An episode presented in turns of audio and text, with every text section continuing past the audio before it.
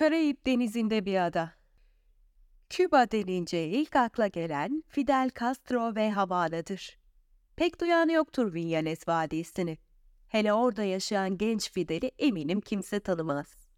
İşte bu öykü onun hakkında genç Fidel'in yaşadığı tarifsiz acıyı anlatmayı deneyeceğim. Deneyeceğim diyorum çünkü böylesine yıkıcı ve ezici bir acıyı anlatmak kolay değil. Neşeli bir Haziran sabahı Fidel ve ailesi erkenden uyanmış, kahvaltıdan sonra hazırlıklara başlamışlardı. Turist grubunun geleceği gün hepsi heyecanlı olurdu. Anne yolanda üç kocaman termosa kahve yapıp dolduruyor, iki kızı ise seramik tabaklara ikram için mango ve bisküvi dizerek evlerinin hemen yanındaki satış ofisine taşıyordu. Evin oğlu Fidel tütün kurutulan kulübede çoktan yerini almış, az sonra turistlere gösteri yapmak için saracağı puronun yapraklarını hazırlıyordu. Baba Benito ise ortalıkta gülümseyerek dolaşıp hazırlıkları izliyor, kazanacağı paraların hayalini kuruyor ve bu arada bahçedeki domuz yavrularıyla şakalaşıyordu. Yeter ulan serseriler, amma imdiniz kadını. Biraz yem yeseniz de ananızın canını okumasanız olmaz mı? Pinar del Rio şehrinde yer alan Villanes Vadisi, Küba'nın önemli bir tarım merkezidir. Şeker kamışı ve tütün tarlaları mogoteler arasında uzayıp gider. Mogoteler, devenin hörgücüne benzeyen yuvarlak tepeli dağlardır. İçlerinde git git bitmez mağaralar ve nehirler barındıran bu dağlar, turistlerin ilgi odağı olmuştur. Bölgeye getirilen turistler, nehirlerin üzerinde kayıkla yol alarak mağaraların içinde saatlerce gezdirilir. Havana'dan yola çıkıldığından kat ettikleri mesafenin üzerine bir de bu macera eklenince hepsi acıkmıştır. Vadi manzaralı bir restoranda Karayip mutfağından örneklerle tıka basa doyurulduktan sonra puro ve kahve keyfi için Benito ailesinin yaşadığı çiftliğe götürülürler. Fidel Castro'nun en sevdiği bölge olan Villales'te yaşayanlar, Küba'nın ağır kanlı, tembel insanlarına hiç benzemezler. Gün boyu çalışırlar. Dünyanın en kaliteli tütünü burada, atadan kalma yöntemlerle yetiştirilir. Dolayısıyla dünyanın en pahalı proları da burada üretilir ve insan eliyle sarılır. Eşi benzeri olmayan bu proların kutusuna binlerce peso ödemekten çekinmeyen kodomanlar daha ürün tarladayken sıraya girmişlerdir bile. Nerede kalmıştık? Kuşların cıvıl cıvıl öttüğü, kız kardeşlerin anneleriyle şakalaşıp kıkırdaştığı, Benito'nun domuzlarla konuştuğu o neşeli Haziran günü Fidel, kulübede turistleri bekliyordu. Kulübe dediğime bakmayın. Kocaman bir ev gibiydi bu yapılar. Havadar olsun diye iki yanı açık bırakılmış, damı sazla kaplanmıştı. Tarlaya yakın bir alanda yerel malzemeyle inşa edilen yapıların içi sıra sıra dizilmiş tütün yapraklarıyla tıka basa doldurulmuştu. Fidel'in aklı beş karış havadaydı o gün. Turistleri ve ailesinin kazanacağı parayı umursadığı yoktu. Sadece Mivida'yı düşünüyor, artık evlenmeleri gerektiğini biliyordu. Daha dün gözyaşları arasında sevişmişlerdi. Mivida, artık tarlalarda ve mağaralarda sevişmekten bıktım demişti. Haklısın demişti Fidel. Sadece bize ait bir evimiz olsun diye para biriktiriyorum. Az kaldı bir tane. Ev umurumda değil. Senin odan ikimize de yeter. Benim için hiç fark etmez. Ha sizin ev ha bizim. Yeter ki bir yatağımız olsun. Artık gizli saklı buluşmak zor geliyor. Haklısın canım. Babamla bu akşam konuşurum. Söz mü? Söz. Babam turistlerden para kazandığı için akşam keyifli olur. Ben de o arada girerim konuya. Yan yana evlerde yaşıyorlardı. Aynı okula gitmişlerdi. Mivida tıpkı isminin anlamı gibi hayatının aşkıydı. Onunla evlenmek tek dileğiydi genç Fidel'in. Onu beyaz gelinlik içinde hayal ederken turistler birer ikişer kulübeden içeri girmeye başladı. O zaman uçuşan elbisesiyle görünmez oldu hayatının kadını. Artık sapsarı tütün yaprakları vardı önünde. Mis gibi kokuyu içine çekip gülümsedi gelenlere. Deri kaplı masanın üstüne önce sarı bir tütün yaprağını sererek iyice yaydı. Sonra daha koyu renkli tütünlerden küçük parçalar koparıp üzerine yerleştirdi ve hop bir anda kusursuz bir pro sardı. İki ucunu makasla kesip kestiği parçaları yeni bir pro için ayırdı. Video çeken turistlere gülerek baktı.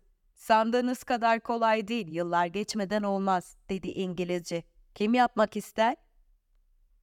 Puro yakıldı ve elden ele dolaştırılarak isteyenler tarafından keyifle içildi. Böylesine lezzetli bir puro içmediklerini tekrar tekrar belirtip Fidel'e teşekkür edenler satış ofisine doğru ilerledi. Orada Yolanda ve kızlar turistleri gülümseyerek karşıladı. Kahveler sunuldu. Havana Club şişesinden bol bol rom katıldı kahvelere. Turistler gezinin en keyifli anını yaşarken Benito satış ofisine geldi. En fazla 60 yaşında gösteren bu adam, tüm bakışları üzerine toplayan bir etkiye sahipti. Yakışıklı, güler yüzlü ve parlak yeşil gözlüydü. Bir anda satış şenlendi. Bu arada onunla resim çektirmek isteyenler sıraya girdi. Benito bu davranışlara çok alışkındı. Gülerek sarıldı turist kadınlara ve hepsiyle ayrı ayrı poz verdi. Satış bir yarış havasında devam ediyor, plastik paketlerde çekirdek kahveler ve purolar havada uçuşuyordu. Yolanda ve kızlar avroları kasaya doldurmaktaydı. Bütün bunlardan etkilenmeyen iri bir ördek kalabalığın arasında dolaşarak Yolanda'yı arıyordu. Onu bulunca gagasıyla vak vak diyerek eteğinden çekiştirmeye başladı. Fidel ortalarda yoktu. Görevini tamamlamış, domuzların karşısına oturmuş, babasıyla akşam yapacağı konuşmayı düşünüyordu. Daha çok gençsiniz derse karşı çıkacaktı ona.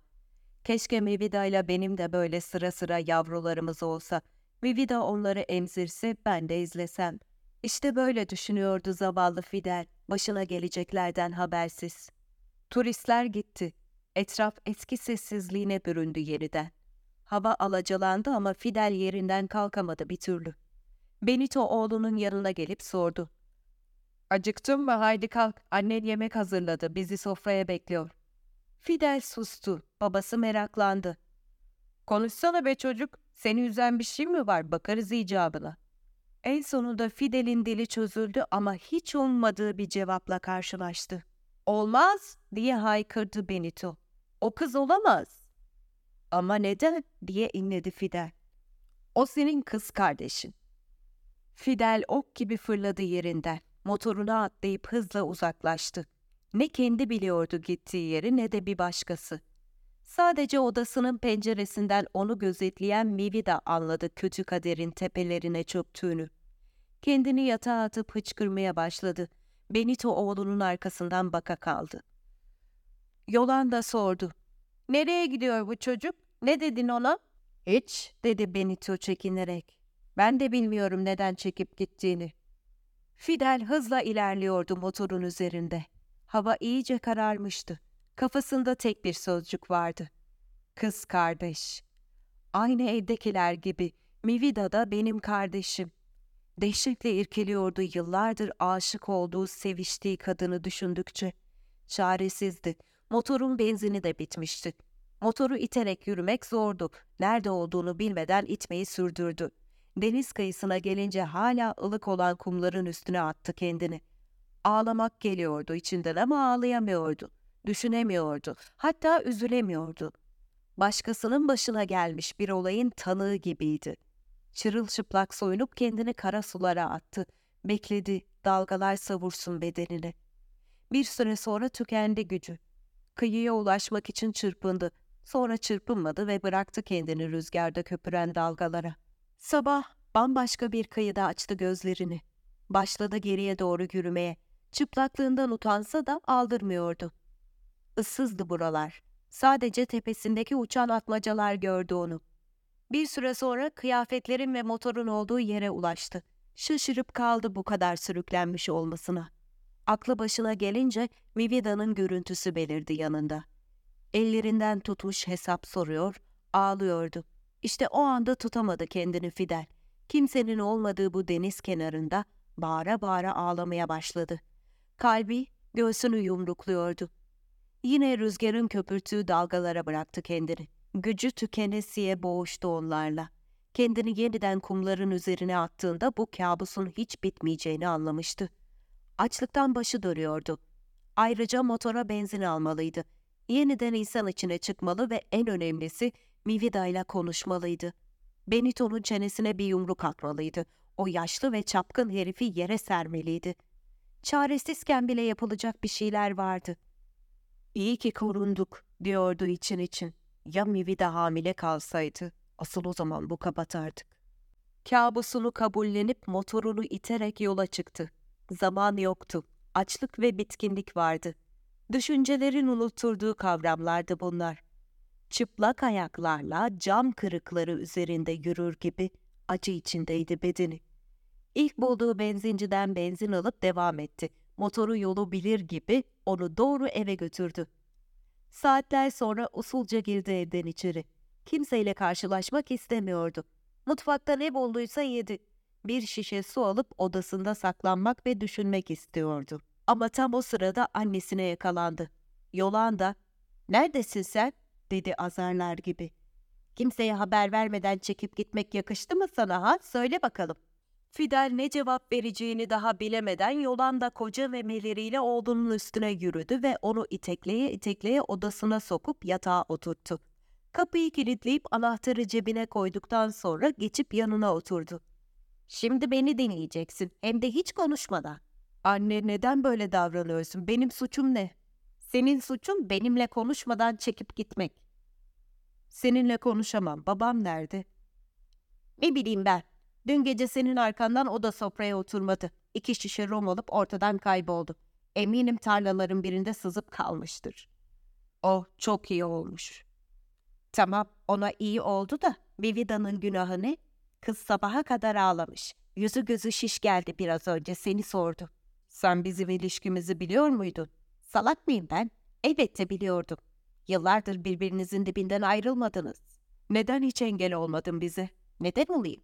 O iyi bir kız. Severim Vivida'yı. Ama babam dedi ki... Fidel elindeki su şişesini başına dikip lıkır lıkır içti. Benito'nun ne dediğini de biliyorum. O senin kız kardeşin demiştir yaşlı bunak. Başka ne diyecek? Nasıl bildin? Evet tamı tamına öyle dedi. Ah oğlum ah, Vinyales Vadisi'nde onun kızı veya oğlu olabilecek çok genç var. Vaktiyle babanın yatmadığı kadın kalmadı bu yörede. Senin için hiç endişelenmedim ama kızlar buralı birine aşık olursa diye çok korkuyorum. Bu yıl ikisini de Havana'ya, teyzelerinin yanına göndereceğim. Bıktım bilmece gibi konuşmandan. Ne demek şimdi bu? Benim için neden korkmadın? Bak şimdi başıma gelenlere. Şapşalım benim. Git Mivida'ya evlenme teklif et. Hiç korkma, bana güven. Ensest miyim ben? Hem günah hem sakıncalı. Eciş bücüş çocuklarımız olur. Ben diyorsam olmaz. Hele bir dinle beni. Ben ister miyim torunlarım sakat olsun? Mivida babanın kızı olabilir. Yıllardır annesi çamaşırların arasına havlu asar. Yeşil havlu, gel bekliyorum demektir. Benito yeşili görür görmez sessizce sıvışır evden. Kırmızı havlu sakın gelme anlamına gelir. Trafik ışığı gibi kadını anlayacağın. O havlular hiç eskimedi 30 yıldır. Düşünür düşünür şaşarım. Yetti be, gene dağıttın konuyu. Anladık, babam çapkının teki ama bu beni kurtarmaz ki. Oğlum, senin kurtuluşun bende. Hiç düşünmedin mi? Neden bu yöredeki çocukların hepsinden daha uzunsun? Sırık gibi boyun var. Neden tenin güneşte yandıkça kızarıyor? Bize baksana hepimiz karamela gibiyiz. Bunları hiç düşünmedin mi? Yo, hiç aklıma gelmedi. Babam onun İspanyol atalarına benzediğimi söyler hep. Onlar da beyaz tenliymiş. Boyum kulübenin çatısına uzanıp tütün dizdiğim için zürafa gibi olmuş. Ama gözlerim aynı babamınki gibi yeşil. Sanki tek yeşil gözlerden beni topu dünyada. Hoppala, ne demek şimdi bu? Sus, bölme sözümü ikide bir. Anlatacağım olanları. İşte şimdi tam sırası. Şunu bil yeter. Senin sadece iki kız kardeşin var. Mivida kardeşin değil çünkü sen benim oğlumsun. Şaşırdın mı sen? Kutsal Maria mısın? Benim babam yok mu? Var elbette ama Benito değil. E pes anne, utanmadan aldattın demek babamı. Neden utanayım? O sürekli beni aldatıyor ya. Bir defa da ben aldatsam da olur sanki. Sana inanamıyorum. Benim asıl babam kim? Asıl baban elbette Benito. O seni kendi oğlu sanıyor. Ömür boyu sana babalık etti. Seni sevdi, korudu. Ancak biyolojik baban uçan Hollandalı. Saçmalama. Asıl sen terbiyesizleşme. Uçakla gelmişti memleketinden. Bu vadideki bitki örtüsünü araştıran genç bir bilim adamıydı. Biz meydanda oturmuş, arkadaşlarla Küba Libre içerek ve salsa yaparak ablamın düğününü kutluyorduk. Aramıza katıldı. Yarım yamalak İspanyolcasıyla güldürdü bizi. Salsa yapmayı denedi bizimle. Gece ilerlediğinde önümde diz çöküp elimi tuttu kibarca. Beni kaldığım eve götür lütfen yoksa yolumu bulamam dedi. Böyle kibar bir ricayı kim olsa geri çeviremezdi. Ne olduysa o yolda oldu.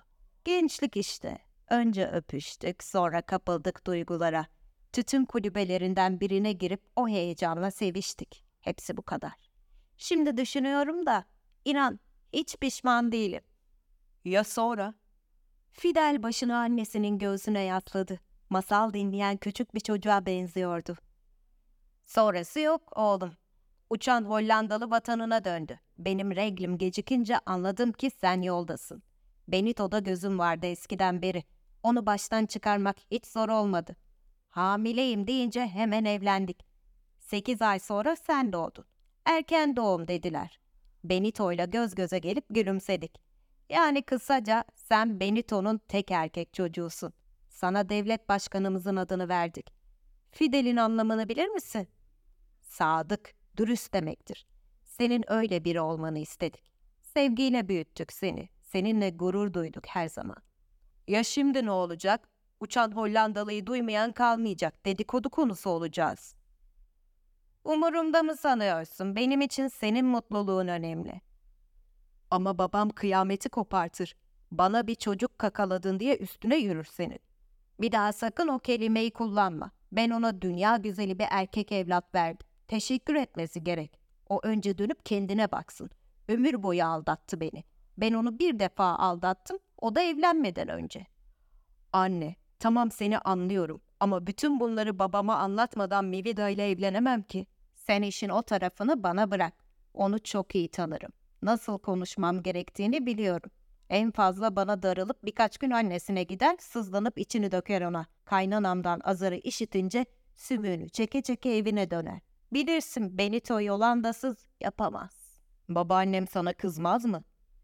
Kızmaz kızmaz. O da biliyor babanın karıştırdığı haltları. Sen hemen git Mevida'yı bul. Konuştuklarımızı anlat ona ve evlenme teklif et. Fidel hemen fırlayıp kapıya yöneldi. Dur bir dakika dedi Yolanda kapının anahtarını verirken. Parmağından çıkardığı yeşil taşlı yüzüğü de Fidel'in avcuna sıkıca bastırdı. Mevida'ya ver bunu ve onu öp benim için. Anne oğul kucaklaştılar. Fidel tam kapının anahtarını çevirirken durakladı bir an. Annesine bakıp sordu. Belki günün birinde Mivida ve çocuklarla Hollanda'ya gideriz. Sahi adı neydi biyoloji? Luke Johnson.